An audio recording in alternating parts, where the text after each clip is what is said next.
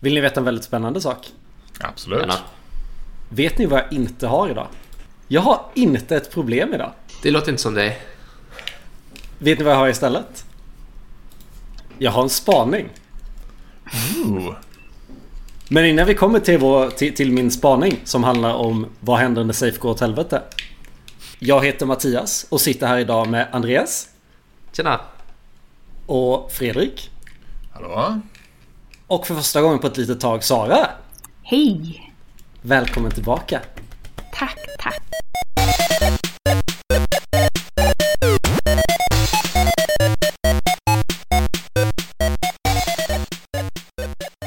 Hur är läget med er? Alles god. Alldeles god? Stress idag på jobbet, men annars gott. Eh, och, och alla som, som eh, väntar bebisar räcker upp en hand. I en podd. Ja, vi har tre händer uppe av fyra här. Ja, ja, spännande. Då är vi igång. Eh, jo, ehm, Safe har vi ju lite delade åsikter om. Generellt så är de väl inte... Har vi verkligen det? Kanske inte har det. De kanske inte är super... Nej men så här, vi har väl en... Min, min spaning är att eh, moderna bra team eh, Team som när man börjar få lite så här autonomi med så här DevOps, vi kan släppa vår kod precis när vi vill och kan jobba med vilka tools vi vill. Funkar väldigt dåligt med skalade agila ramverk. Är det någon som tänker något annat?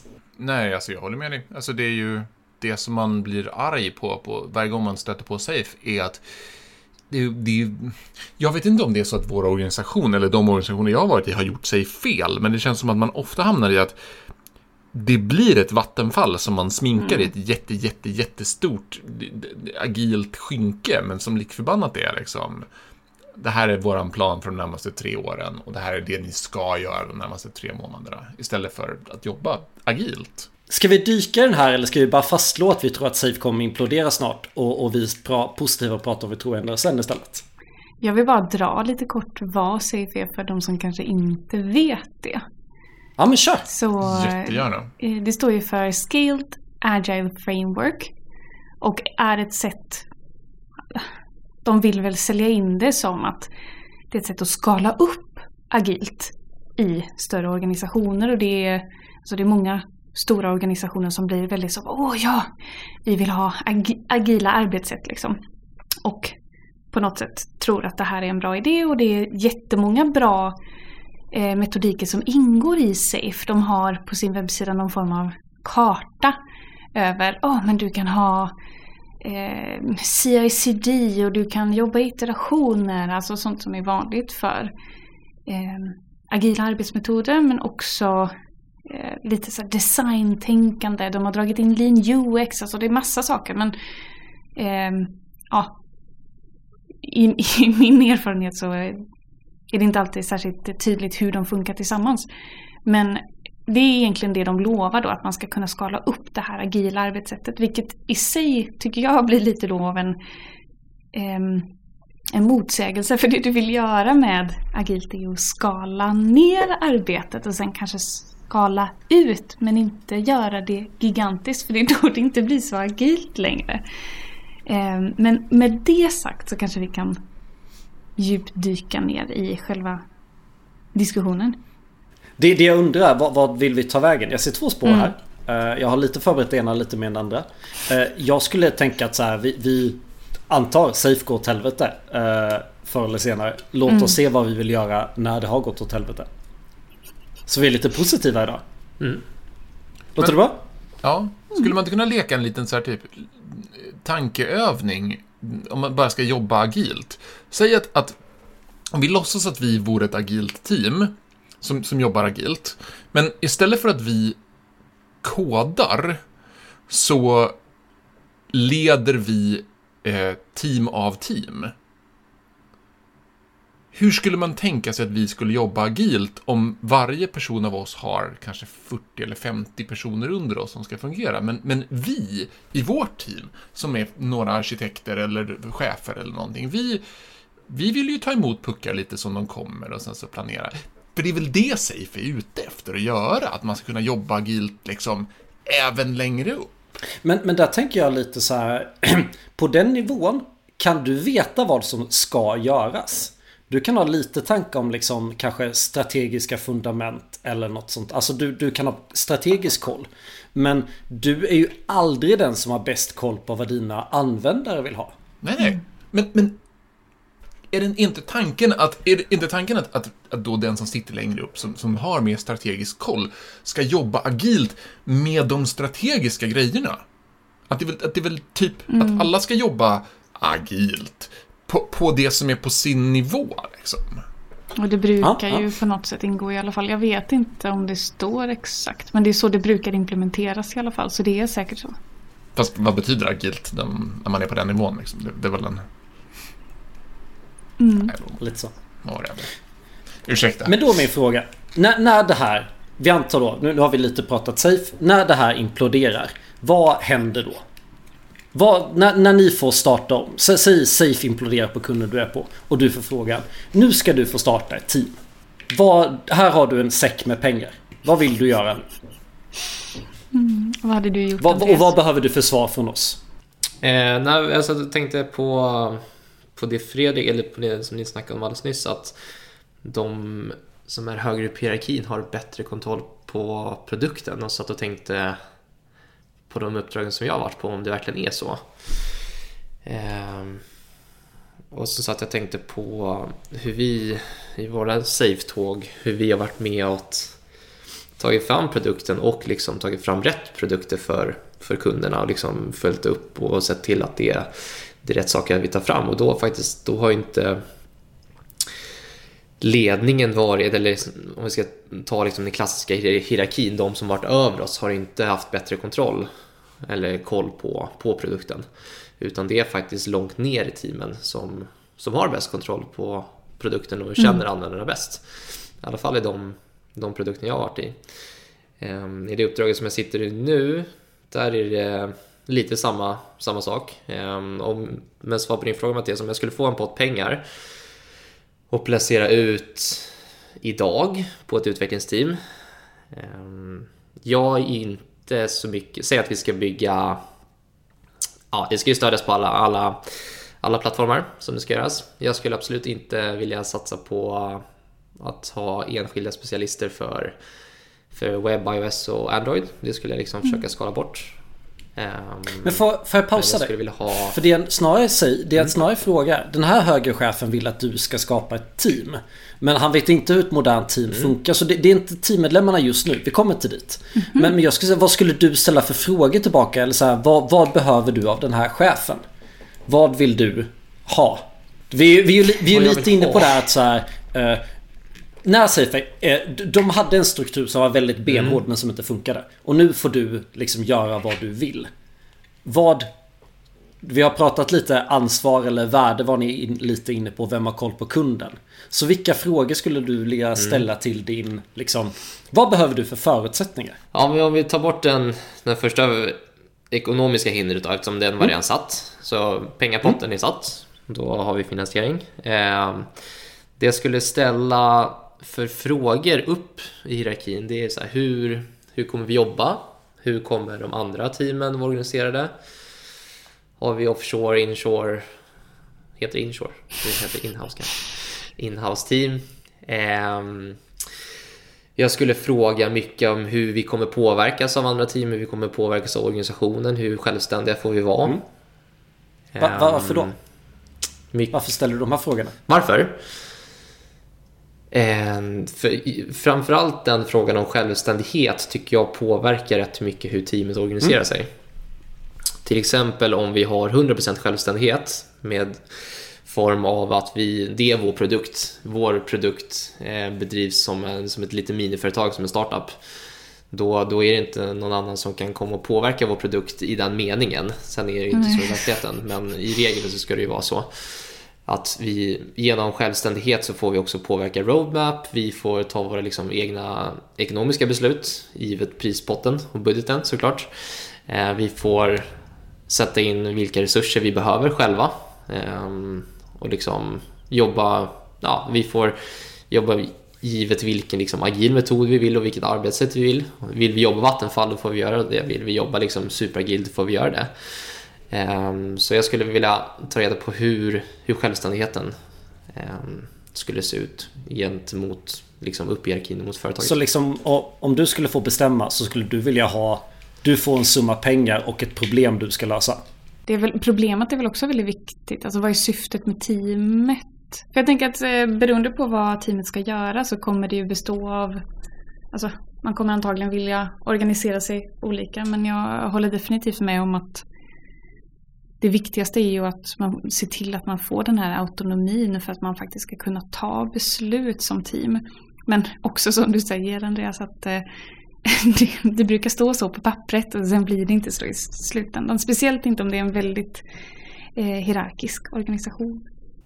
Nej, precis. Um, så det låter ju väldigt bra som du säger Sara på pappret. Men sen är det inte så. Men det är väl klart att beroende på produkten, beroende på hur organisationen ser ut. Eh, men det jag menar är att jag skulle gärna vilja reda ut liksom självständighetsprincipen. För att liksom också ta reda på hur för man tillhör ju alltid någon sorts intern organisation, även fast man är i eget team i självständighet. Och kommer behöva jobba med organisationen. Eh, så det var det lite meningen med, med att jag skulle vilja veta hur, hur fria vi är egentligen. Och hur mycket vi måste jobba med mot andra delar. Får jag flika in en, en tanke på, det, på precis där också? Fråga. Alltså, eh, två, två små liksom punkter. Den ena var att, att ha ett problem och den andra är vad vi inom citationstecken ska göra. Båda de två är ju liksom vattenfallskoncept i, i allmänhet. Jag tycker den allra mest relevanta frågan man skulle ställa uppåt är hur mycket tid har mm. du Va? att lägga Va? på det här projektet? Till sin chef ovanför sig. Alltså, hur involverad... Men, den, som, den, som, den som är ovanför, den som sitter och ger oss resurserna. Eh, hur, mycket, hur mycket tid har den personen att faktiskt vara involverad i att styra vad vi ska göra, eller liksom vara med i diskussionen om vad vi då ska uppnå. Så att vi inte hamnar i ett läge att någon ovanför vill någonting, men i själva verket mer eller mindre mm. lämpar mm. av liksom ett sorts, här får ni ett dokument, eller, eller liksom vi vill ha någonting. Utan att, att den som faktiskt vet var, var, hur det här har ett värde också är med och kontinuerligt ger feedback. Men vill men... man inte bli av med dem då? Eller för det trodde jag jo, liksom var, var en förutsättning. Man vill ju typ. bli av med, med, den gamla funktionen, men man vill ju inte bli av med kunskapen. Man vill ju fortfarande att nej. den personen ska, ska jobba agilt med oss. Även om men den man, personen nej. är i en... Inte med oss. Alltså det, det ska i... vara en person i teamet. Mm. För, för nu ska jag då vara lite, det här du, nu ska jag vara lite edgy. Jag, jag, tycker ju inte att man ska fråga om man får vara självständiga. Jag tycker man ska vara självständiga. Om jag, så här, jag gav en lite taskig fråga Andreas, jag ber om ursäkt. Men, men mitt svar på frågan så som jag tolkar den. Skulle någon fråga mig så här, här har du en påse pengar, vad behöver du för att kunna börja jobba? Då skulle jag vilja säga, vad har ni för vision eller något sånt där ni vill mm. uppnå? Mm. Och vilka folk kan, kan verksamheten så jag kan ta in dem i mitt team. Och vilka finns det tillgängligt så jag kan ta in i mitt team. Låt mig ta ett exempel. Skulle jag få göra om det jag gjorde på en stor svensk myndighet. Eh, där, där, liksom vårt, där var det tydligt att vår vision var att sluta skicka ut stora orangea brev. Utan börja skapa digitala tjänster så de inte behövdes längre. Men det var upp till oss hur vi ville lösa det. Och, och det var liksom, tyvärr var ju det en beställning till något safe-ish tåg för, för de det var mycket folk som gjorde det, vilket, ja, och sen blev det uppblandat. Det hade varit en sak jag hade älskat att ta, ta till ett team. Visserligen det är väl lite ett vattenfallsprojekt också, för den är vi inte beständig över tid. Men säg att man är på en stor mat, online matgrossist istället. Då skulle man kunna ha som mål att så här, en del av systemet hade funkat så bra som möjligt. Det här man kan inte velat äga hela. Men så här, vi ska se till att den här biten av upplevelsen är perfekt. Så jag ser tveksam ut. Ja, jag tänker bara på så här, vad ett team gör kommer alltid att ändras för att man kommer uppnå saker och man kommer behöva nya mål. Eh, och sen kan man ha ansvarsområden. Alltså att jag tror att, vi, att jag bara har svårt att koppla liksom vision slash mål slash eh, ansvar. Liksom. Och tänker att eh, vision och mål för mig är tätt kopplade. Vision är lite längre, mål är lite närmre. Och så sen så gör man detta inom ett visst scope och det är det här scopet som kanske alltid kommer att tillhöra teamet för att inte sprida, eller inte sprida är fel ord, men för att man ska liksom eh, få lov att lära sig en del av systemet. Låt oss säga att vi, vi har en webbsida, en webbshop Och en del av det är liksom, ja, men sälja kvinnokläder, vad vet jag. Och det är ett team som är ansvariga för den delen. Och sen kan man sätta sin egna vision och sina egna mål. Eller vision, vision kan jag ändå tycka är en vettig sak att få uppifrån. För det är ändå ett företag som försöker nå vissa mål. Men att man sedan får de här, man får problemen från businesshållet. Inte lösningen som det så ofta blir i Vattenfall. Och det är så som de allra flesta alltid tänker. Och det är där det är någonting som jag skulle vilja diskutera med er. Liksom, vad har ni för erfarenhet? För jag, jag ser ju det här typ på varenda uppdrag jag kommer till. Att man, man tänker på det här sättet att vi ska ge utvecklarna någonting att göra. Istället för att man faktiskt strukturerar upp team som kan jobba tillsammans och som tycker att det är kul att lösa problem. Och jag vet inte om det är så här att jag lever i någon form av utopi eller jag tror på det här fast inte, jag har aldrig sett det funka i verkligheten. Liksom.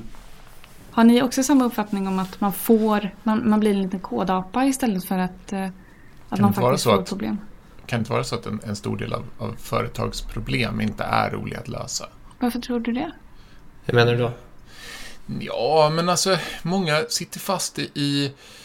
Ja, men säg att du ska bygga ett Säg att du ska bygga ett eh, stödsystem till, en, till någon industrimaskin av något slag. Ja, men okej, så du vill få ut data ur någonting. Ja, men för att få det så måste du plocka den ur ett gammalt legacy-system som är från 1988 Eh, och du kan inte koda någonting nytt till den och att göra någonting som bara läser över den är fel. Utan du måste parsa, du måste jobba jättemycket med strängparsning från gamla loggar eller någonting sånt. Det är inte roliga saker. Någonstans så finns det någon som får ut jättemycket nytta av det här. Men det, det är liksom... Jag, jag tycker ofta det är som att det, att det blir som att sakerna som någon vill få gjort inte är av den här visionära, vi, vi bygger upp någonting, någonting vettigt. Och jag förstår hur du tänker liksom, i vissa fall att ja, men det ska bara bli gjort. Liksom. Ja. Och det låter lite mer som eh, alltså legacy-system i mina öron. Samtidigt som det finns alltid ett syfte bakom. Liksom, varför, vi, varför ska man göra någonting? Och det är oftast för att lösa någon form av problem. Och får man lite mandat i hur man löser det så upplever i alla fall jag att de allra flesta blir lite mer motiverade. Men samtidigt, ja, jag var nog lite vinklad i min fråga i och med att jag har varit i en del eh, så här, ny, nystartsprojekt. Eller så här, oh, vi ska bygga om helt och hållet från scratch. Det är de som är roligast. ja. Det där är kul att vara. Ja, men verkligen. Men det så I vissa fall så är det Men samtidigt, ofta när man får de här beställningarna med ni ska göra det här. De stämmer ju aldrig riktigt i och med att man inte har varit inne och pillat. Så då blir det ändå så här. Man måste ändå få med syftet bakom varför man ska göra någonting. Jag tycker att det ofta saknas. Mm. Man måste dra i det sjukt länge för att det ska liksom komma till en. Mm.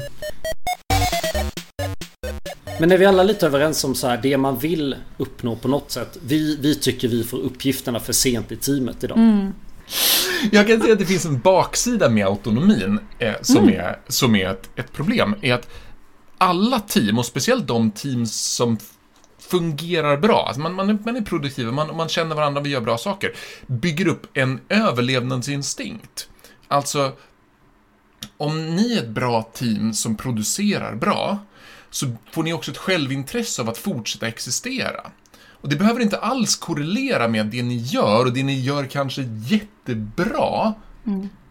Inte alls säkert att det genererar eh, inkomster till verksamheten. Även om det ni producerar är av fruktansvärt hög kvalitet med en väldigt hög velocitet. Så, så kanske det fortfarande är som att, ja, det här är, ger jättemycket nytta till kunderna. De kanske tycker det här är helt fantastiskt, men ingen som betalar extra för det. Så ni kanske sitter och trycker ner pengar och det teamet, det teamet kommer aldrig kunna ta beslutet av att vi inser nog att vi borde nog säga upp oss allihopa, för vi genererar inte verksamhetsnytta. Det beslutet kommer man aldrig kunna ta i teamet. Så, så, det är lite av en svaghet med att vara autonom, men autonom i en liten box. Fast att ha, jag tänker också liksom att det finns en annan vinkel på det, liksom att verksamheten borde ju kunna då se att här har vi ett högpresterande team som ja, jobbar ja, ja. bra tillsammans. Och då borde man ju ändå kunna se att okej, okay, just det de gör nu, där har vi fallerat i att de har fått fel uppgifter, de har fått fel problem. Om vi ger dem rätt problem så borde de kunna Absolut, göra men det saker. beslutet Mm. kan ju inte, är väldigt svårt att ta inifrån det autonoma Absolut, teamet. absolut. Så vi är lite inne på att det måste finnas Det måste finnas en, en hierarki på något sätt runt teamen. Men de borde inte fokusera det minsta lilla på att lösa problem. De borde definiera problem och vad problemets lösning är värd. Ja, jag tror det. Och sen borde de ju nästan gå till en aktion till teamen och se vilket team som vill ta den här. Men de ska ju lösa metaproblem av att så här, eh, vad är det som hindrar er från att samarbeta? Mm. Eller liksom... Men, men det här strävar väl alla efter? Det är lite som att det här... Ja, för jag, jag skulle nästan vilja säga, alltså i mitt moderna team, där så liksom så här de här människorna som skapar problemen, de skulle jag, jag skulle vilja inte få problem någonstans ifrån. Jag skulle vilja få en vision någonstans ifrån. Och sen så skulle jag vilja ha människorna som kan avgöra hur man som översätter visionen till problemen vill jag ha i teamet. Mm. I mitt team. Absolut. Mm. Och Vision saknas så himla ofta. Men jag skulle vilja ha den ganska liten också så man kan vara, för vi vill fortfarande ha ett ganska litet begränsat team. Så jag skulle vilja ha en ganska liten vision. Och, kan, sen kan vi, ju variera kan vi också. definiera lite? För jag tycker de här orden är superintressanta. och eh, jag har läst en jätte, jätte, jättebra bok om just eh, affärsstruktur delat så torrt. eh, den heter Beyond Entrepreneurship. Eh, och handlar egentligen om ja, men vad är bra, eh, bra struktur och hur, hur får du ett företag att leva även efter att du har lämnat det i princip. Och då pratar de just om vision och har en väldigt specifik definition som jag då tänker på när jag hör ordet vision. Jag tror inte att de matchar eh, mellan eh, dig och mig nu då Mattias. Eh, men eh, vision för dem är, så här, det är att det är någonting som ska hålla för hela företaget i hundra år. Det är våran ledstjärna och det vi vill hjälpa världen med. Eh, det kan till exempel vara, vad ska jag dra någonting ur hatten här också? Ehm, nej men, hjälpa folk att springa bättre. Liksom. Att ah, men vi gör skor. Men sen så kanske världen förändras och skor är värsta passé. Men vi vill fortfarande hjälpa folk att springa. Så då kanske vi gör jag vet inte, rullskridskor som är det nya bästa. Men- Jättedåligt men då exempel. Men, och det här är då, du ska strax få komma in, det är kontrast till mål. Som då är, vilket berg ska vi klättra på som gör att vi kommer närmre våran ledstjärna? Och det är ledstjärnan som då väljer, eller sätter, hjälper oss att välja vilket berg vi ska klättra. Och sen så kan man dela in det målet i delmål som blir mer närmre och som också då kan vara mer alltså, specifika för teamen. Så tänker jag när det kommer till vision och mål och sen problem är bara ett annat sätt att, att se okej men hur hjälper vi någon annan? Jag tror att man är lite rädd för att använda ordet problem om man ska vara ja men vi har bara utmaningar. Um, så jag försöker bara, jag vet inte, jag försöker normalisera ordet problem. så, Och, och jag håller i stort med det. Det är en avgörande skillnad jag ändå skiljer mig mot Mm. den definitionen då. Jag tycker att en vision kan splittas i delvisioner. För jag vill fortfarande inte att det ska vara ett mål. ge Då är det snarare hellre så här. Och, ja, men om, om visionen är att vi ska kunna klättra... Vad sa du? Vad var visionen? Klättra Vi- gigantiska berg? Nej, eh, visionen är ledstjärnan och har eh, ofta då en horisont på liksom 100 år. Ja. Det är någonting ju- som vi alltid vill hjälpa någon med på något vänster. Mm. Och, och ja.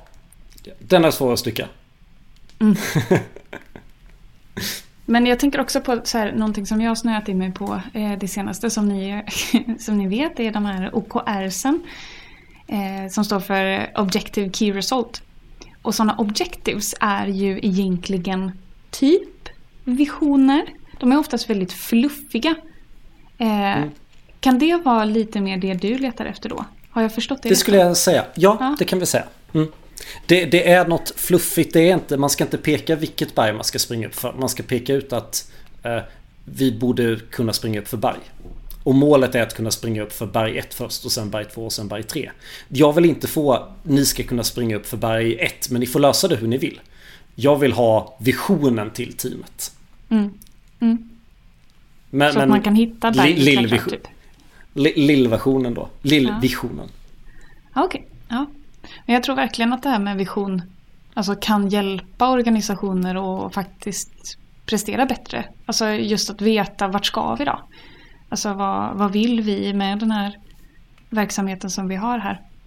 Och det låter ändå jag tycker det låter som en rimlig request att få en vision.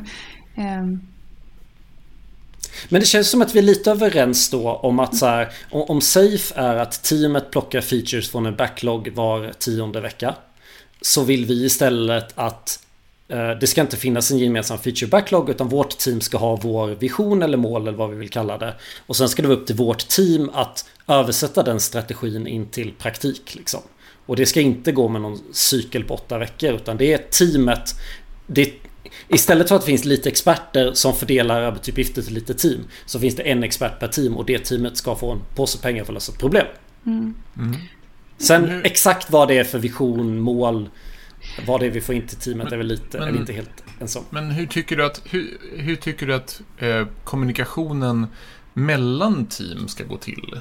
Alltså om, om ni behöver vara många team som samlevererar för att någonting ska bli alltså en, en produkt. Du, och ditt team kanske bara bygger eh, utcheckningssidan på den här e-handelssajten. Eh, Medan mm. det finns ett annat team som jobbar med de som söker produkter och det finns ett annat team som jobbar med eh, supportsidan och så vidare. Och, och, att bara ha en utcheckningssida räcker ju inte för att man ska kunna handla skateboards eller vad vi nu ska sälja på våran, våran e-shop. Liksom. Ehm, men, eh, men, men då måste det ju finnas ett strukturerat sätt att, att samarbeta mellan team också. För man kan ju inte, så att man inte bara är, det är ju inte... Jag har, en, jag har ett tips. Prata med dem som du behöver prata med. ja men verkligen. Istället, istället för att ha en struktur för en hierarki hur du ska kommunicera i hierarkin. Så är det helt liksom team till team kommunikation. Direkt mellan de två som faktiskt förstår problemet. Både de två i det ena teamet som kan verksamhet och tekniska perspektivet. Men de två i andra teamet som kan verksamhet och tekniska problemet. De fyra pratar med varandra. Men jag tror också liksom att det här är ju så som jag skulle vilja jobba i crossfunktionella team som har mandat att bestämma själva. Men samtidigt så tror jag också att det beror ganska mycket på hur själva systemet som man byggde ser, ser ut. Alltså det här med Conways Law. Gud vilken svengelska det blev. Men att om vi har liksom en stor monolit med en eh, layerstruktur liksom. Där vi har så här, ja, men allting som har med backend att göra ligger där. Då kommer det vara jättesvårt liksom, att dela upp team som är crossfunktionella. Om det inte stöds av systemet också. Och jag vet att eh, Andreas kan lite mer än vad jag kan om Conways Law. Eh, vad säger du? Nej, men det... Jag, eh, jag håller med. Absolut. Ehm, sen tycker jag att... Eller jag, jag har gjort den resan. Jag gjorde den på mm. resan på, på förra uppdraget faktiskt, som, som faktiskt var ett markant exempel på just Law. Ja, um. Då Ja, vi kom in på det uppdraget, ett helt Greenfield-projekt. Vi skulle ta fram en helt ny plattform för den här kunden och alla dess, eh, dess kunder kan man säga, som var butiker i det här fallet. Eh, och var en av, liksom, eller är en av Sveriges största retail, retailföretag egentligen. Eh, och då fick vi visionen att ah, vi ska bygga en ny plattform där det ska finnas 50 system i den här plattformen. Idag är det 50 distribuerade system med varsin egen inloggningsmetod som man ska hålla på med. Och det funkar inte för de här kunderna utan det ska ligga, alla system ska ligga bakom en, en plattform. Ehm, och det var visionen. Liksom. Ska, mot användaren så ska det se ut som ett system men bakomliggande teknik är egentligen 50 moderna, moderna system. Så tänk en klassisk microfrontend eller microservices struktur både på backend och frontend-sidan.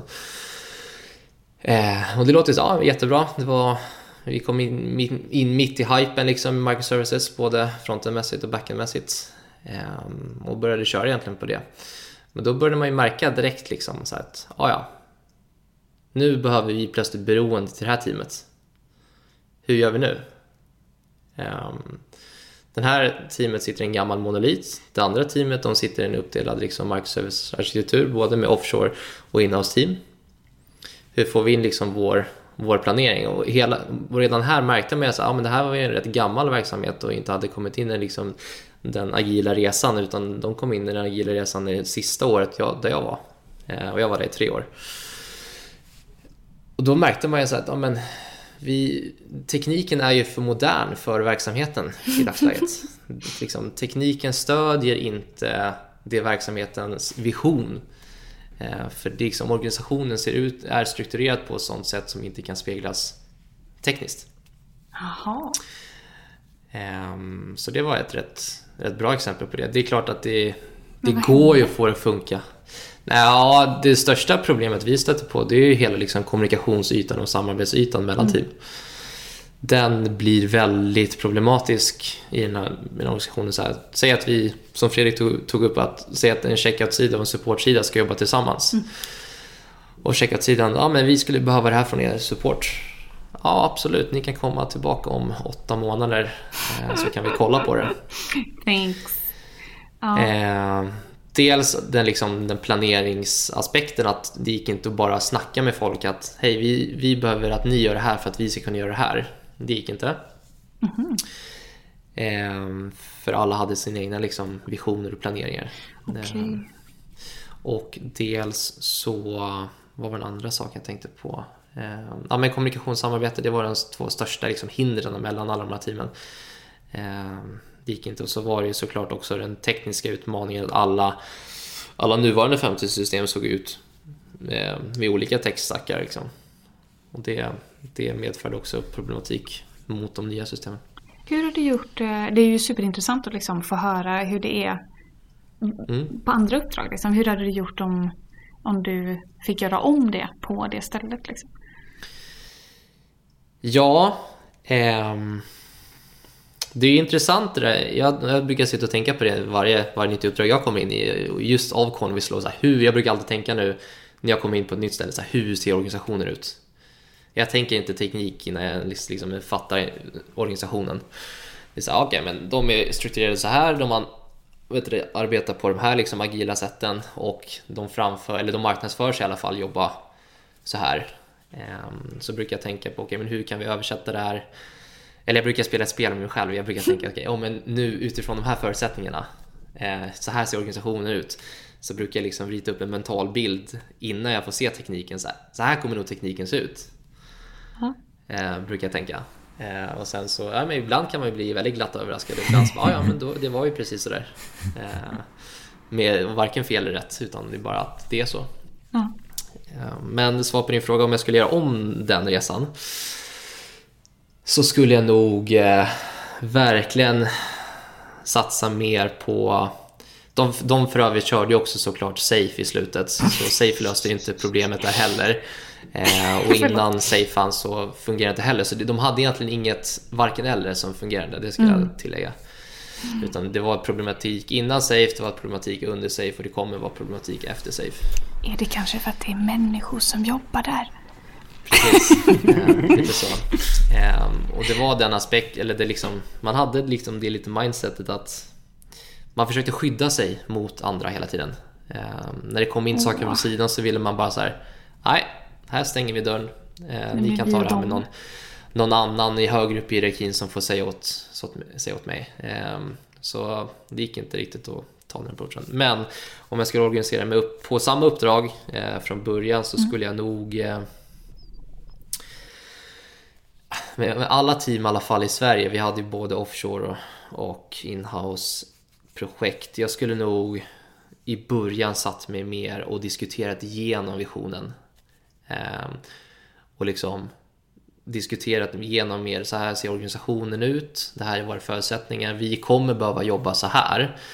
Nu var det som att vi fick en vision, eh, alla började springa hej, liksom fritt på alla bollar som finns utan att liksom tänka av vilka beroenden man har mot varandra. Och plötsligt så har liksom ett team satt sin roadmap att vi kommer göra det här i, ja, givet en viss tidsperiod. Och vissa som jobbar superagilt och vissa som jobbar icke-agilt som ska samarbeta, blir liksom, det blir lite, lite problematik. Så jag skulle nog satt mig ner och bollat och grävt lite mer i visionen hur man faktiskt skulle kunna samarbeta bättre. För det låter lite som, eller jag tänker ju på den här boken. Jag blir alltid så himla färgad av vilka böcker jag håller på att läsa. Men jag berättade ju för er att jag håller på att läsa en eh, software architecture bok nu då. Eh, och eh, då pratade de lite om vad är den minsta enheten för liksom en service så att säga. Mm. Och det handlar ju lite om coupling och cohesion.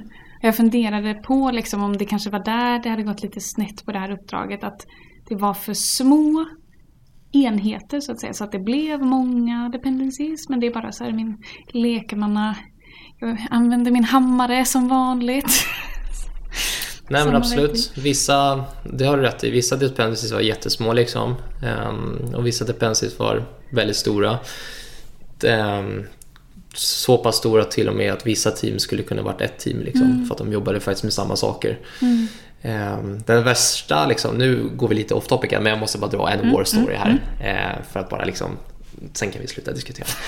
Uh, men den värsta liksom, war story på det projektet av just den här anledningen att folk inte är så, så naturligt bra på att samarbeta och kommunicera med varandra mellan team. Mm. Eh, eller varken i team. Utan vi har liksom de här fina liksom, digitala verktygen som ska liksom abstrahera bort kommunikationen mellan varandra. Vi har Gira, vi har liksom allt som ska, bara ska lösa det åt oss som man på något sätt tror, eh, som jag tycker är konstigt. Men det var i alla fall att ett team fick en vision att börja, börja bygga som de hade byggt på ett och ett halvt år. Så, ja, men allt funkar, det går jättesmidigt och sådär. Sen kom det ett nytt team eh, som också på något sätt hade fått en vision. Ni hade sagt att här är något problem vi ska lösa. Eh, de satt förmodligen ett halvår tror jag var. Eh, problemet var ju här att de här teamen hade ju inte pratat med varandra och det hade inte liksom det hade inte, samarbetet mellan liksom, organisationer hade inte eh, gått till på ett bra sätt.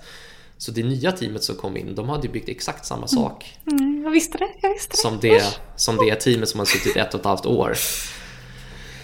Eh, och det var det värsta liksom. Då tänker jag då ställa frågan, var det verkligen visioner de fick? Det, jag vet inte, jag har inte med de här teamen. Eh, så det, det, kan ju vara så att de, de, ja, jag vet inte vad de fick, ärligt talat. Nej. Eh, men att göra den, det är nog den största tabben jag har sett. Att det, ja, men, vad var de? Tre, fyra man som satt i ett halvår och jobbade på någonting som man bara egentligen tog och tryckte liksom delete sen på. Som inte kunde användas. För det var ju exakt det som hade byggts redan. Mm. Men vad säger vi egentligen då? När, när Safe nu går sönder, vad, hur vill vi jobba istället? Vi har ju vissa gemensamma nämnare. Mm. Mm. Vi vill få in mer beslutsfattare. Vi, vi, vill liksom teamen ska komma in tidigare. Eller är det bara att vi alla håller på att bli produktägare? Lite så. Nej men alltså det, det, går ju att säga vad man tror och vad man hoppas på. Liksom det som jag har lärt mig av att vara konsult de här åren. Liksom. Men jag tror också att det är inte så jävla lätt. För alltså visst, jag, jag tror att en organisation som har små team med, som är crossfunktionella, gärna T-shaped, att de funkar bättre som små liksom, företagsöar. Liksom. Men samtidigt så får man får ju andra problem så det är ju mer ett avvägande mm. och jag tror också att det här med som jag pratade om innan, hur systemet ser ut, om det är ett legacy-system som behöver byggas om. Liksom, det, kommer, det kommer spela roll. Det finns ingen silver bullet liksom. Eh, men helst så tänker jag, någonting som vi inte har pratat om, det är ju hur många det är som är i organisationen. Det tror jag också spelar jättestor roll för hur mycket man kan leverera. I alla fall baserat på podcast som jag har lyssnat på om entreprenörskap. Liksom. Att de bara de är inte fler än 50, kanske till och med 30 personer på ett helt bolag liksom, som gör en produkt. Och folk frågar dem hur kan ni leverera så mycket? Ja, men, ja, det är för att vi inte behöver kommunicera så jävla mycket. Liksom.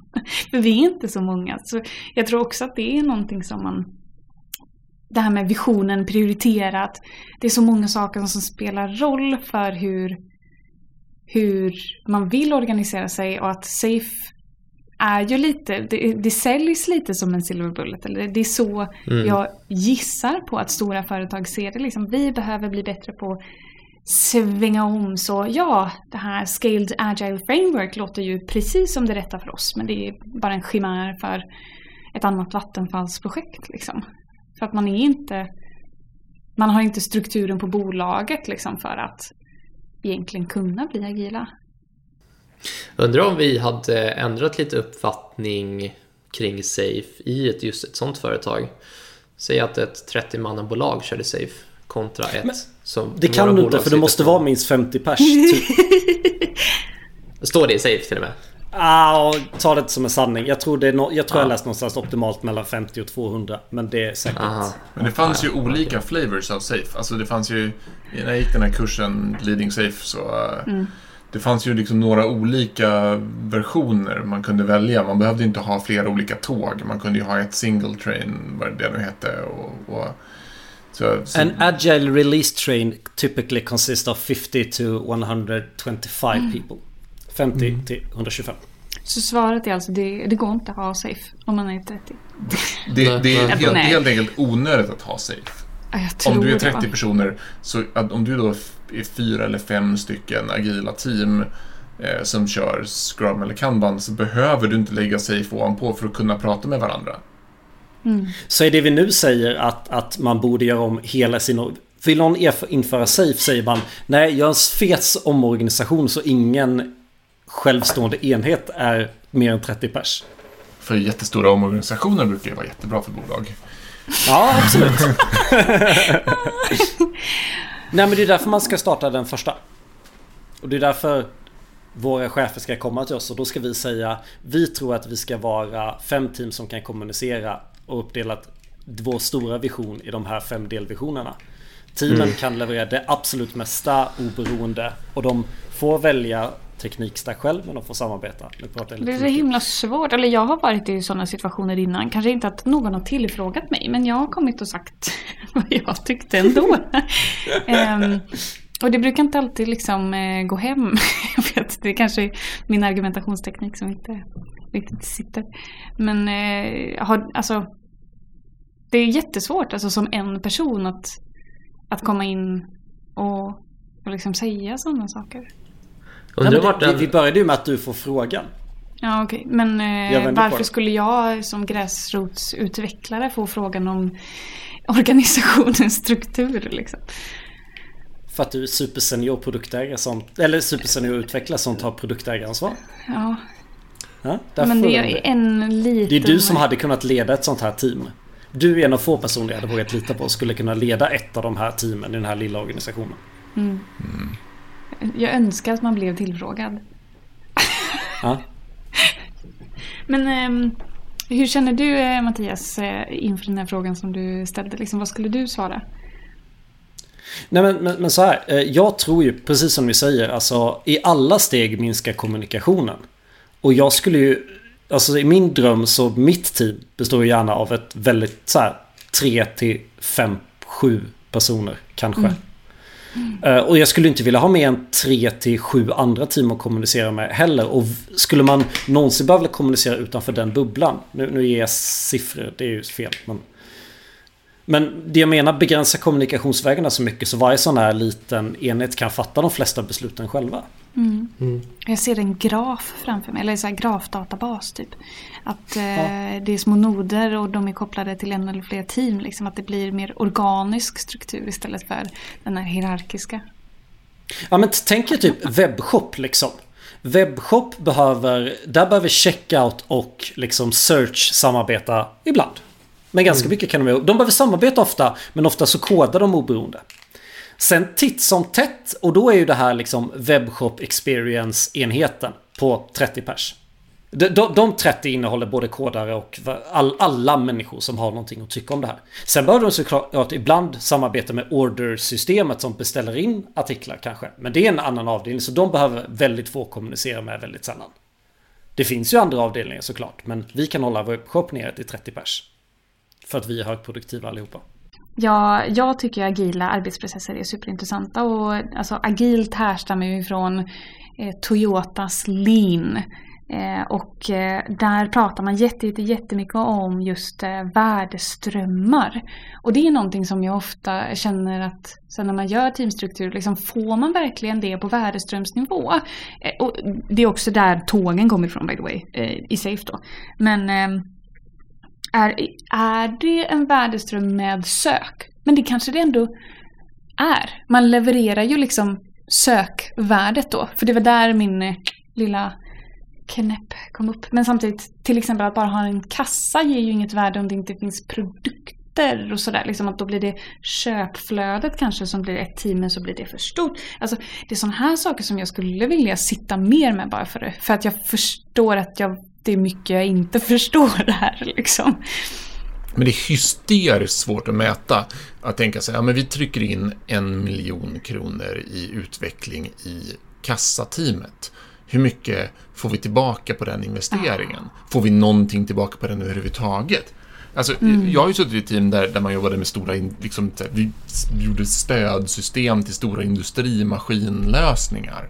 Eh, och, och att, att överhuvudtaget veta om det stödsystem som vi försöker bygga, om det ens skulle leverera kostnader. Det är alltså påverkan av om vi skulle sälja nå- någonting mer på ordrar som är tio års planeringsfaser med, med kundrelationer. Vi har ingen aning. Det, det är nästan omöjligt att veta om den här värdeströmmen, alltså få någon feedback på om det här faktiskt genererar pengar.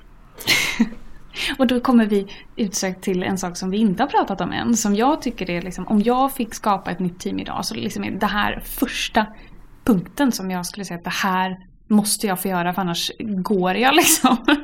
Och det är experimentera och mäta experimenten. Så låt oss säga att jag får en vision. Jag får någon form av, okej okay, vi vill hjälpa användaren med det här. Eh, och se, okej okay, hur, hur vet vi att vi har lyckats? Vad är det minsta vi kan göra för att fallera liksom? Och det, det är åt det här hållet hela industrin med med startups är på väg mot nu, eller är i med, med lean startup och lean UX och den här även beyond entrepreneurship, att verkligen se till att man först och främst validerar problemet. Alltså alla glömmer det här vitala steget, liksom att vi tror att kunden har det här problemet. Så låt oss bygga ett system i två år för att se om det var rätt.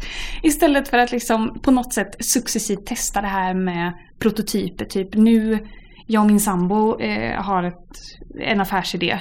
Och då vill vi testa det dels med en landningssida. Vi har inte gjort någon, någonting på produkten. Det finns ingenting liksom. Men det så är, är folk intresserade om vi gör, lägger lite pengar på det, gör lite reklam liksom kommer det vara värt att bygga? Och även liksom gå ut till folk, vart vet jag, på Facebook, Reddit. Fråga dem. Ja men, ha, inte har ni det här problemet för då kommer de bara säga ja. Men på något bra sätt liksom. Fråga dem. Och det Vet där vad, tror jag. Vet ni vad jag tycker vi har? Nej. Jag tycker vi har, har satt vad vi har runt omkring teamet nu. Och du är på segwayn över till hur teamet ska jobba nu. Uh. Och den tycker jag vi tar i nästa avsnitt. Ja. Snyggt. Och med det är det ju dags för veckans tips. Ja. Okej, okay, jag har en förberedd idag. Jag väljer till och med mellan två. Och vet ni, jag har faktiskt lyckats med att... För, för typ ett år sedan så pratade jag om hur så gör jag mitt hårdvaruprojekt i små steg för att faktiskt lyckas. Och jag har faktiskt lyckats ett hobbyprojekt som jag varje gång jag gör någonting nytt så, så säger jag, så bestämmer jag så här, det här är det jag ska göra och det tror jag är ungefär så här långt. Och jag har faktiskt hållit det. Så min micropad här som jag har här med lite fina knappar och lysdioder på så jag kan styra min dator med.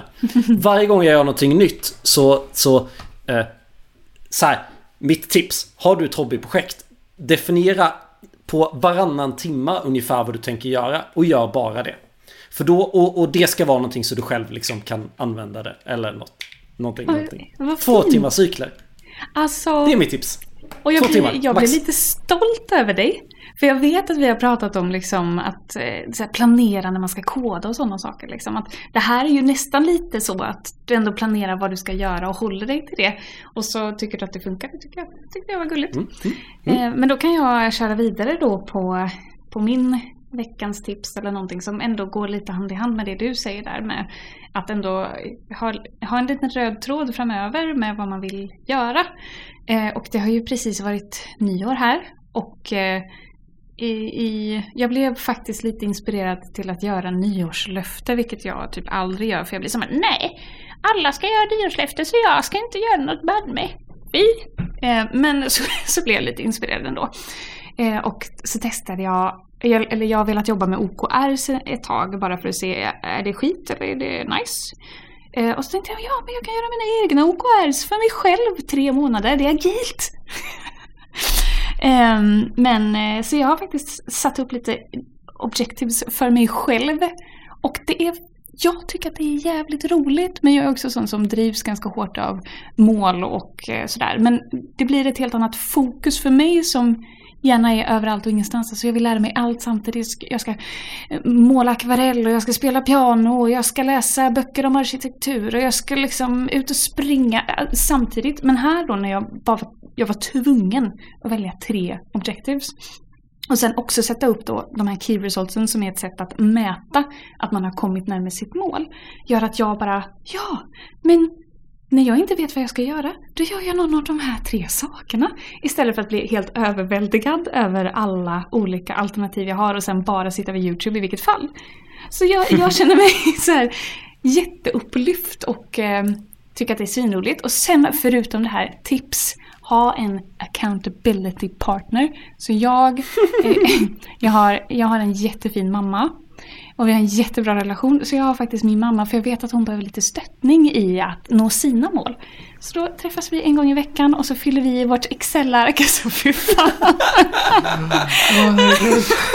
Det här är ett generellt tips som passar alla. alla passar alla personligheter. Men det, jag tyckte det var kul. Kanske kan inspirera någon där ute. Men är det en blandning av privata mål och, och teknik, alltså jobb relaterat tekniska? Jag har, vad ska man säga, jag har bara privata mål men de är ju tekniska för att jag gillar teknik. Mm, ja, eh, check, Så, men eh, man kan ju definitivt ha dem för business. De är ju tänkta att ha för business.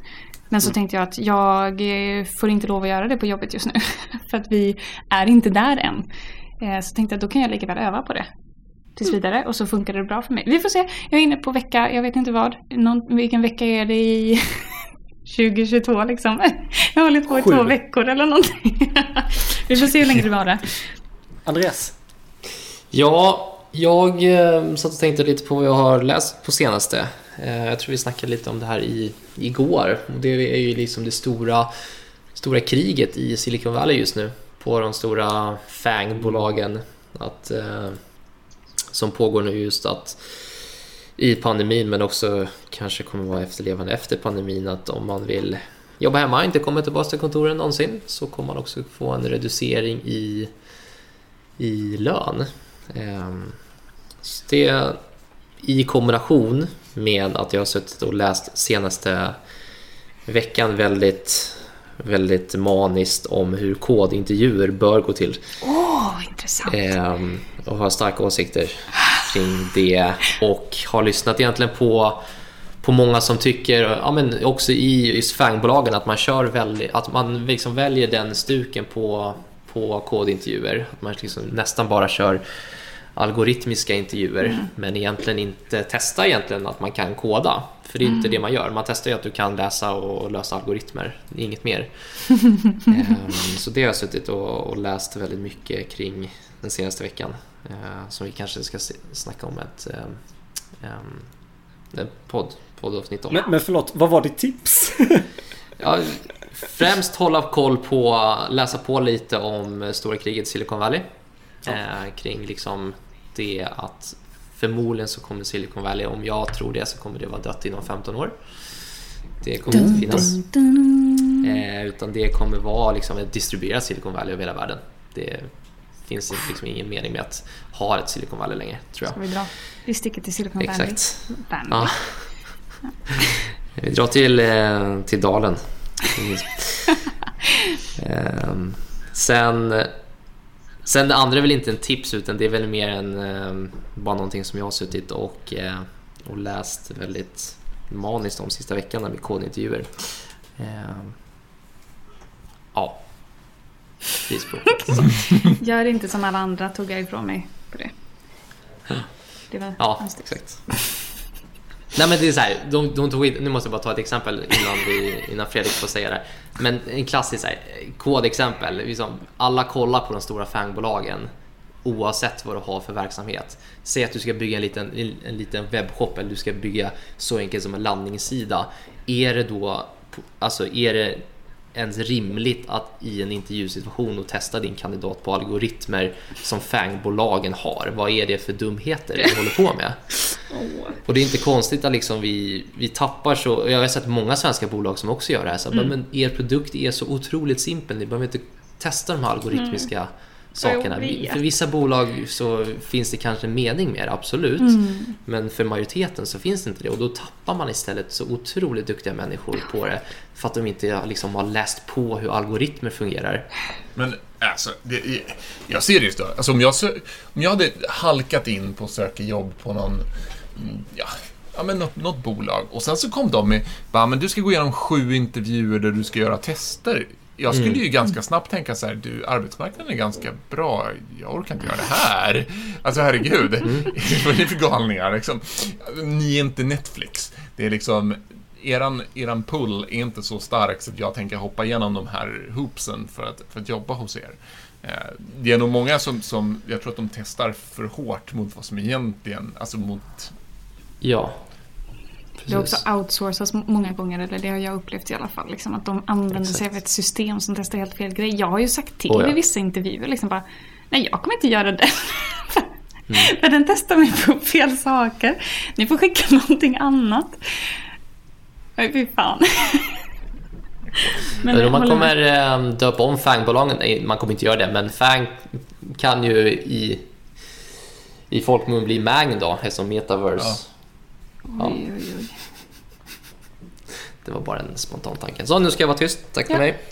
Det blev en podd om något annat. Fredrik, jag tror inte jag har någonting nytt Nej. den här veckan. då tar vi det så. Tack så mycket för idag. Tack själva. Tack. Tackar, tackar. Då hörs vi. Ha det bra! Hej! Hej, hej.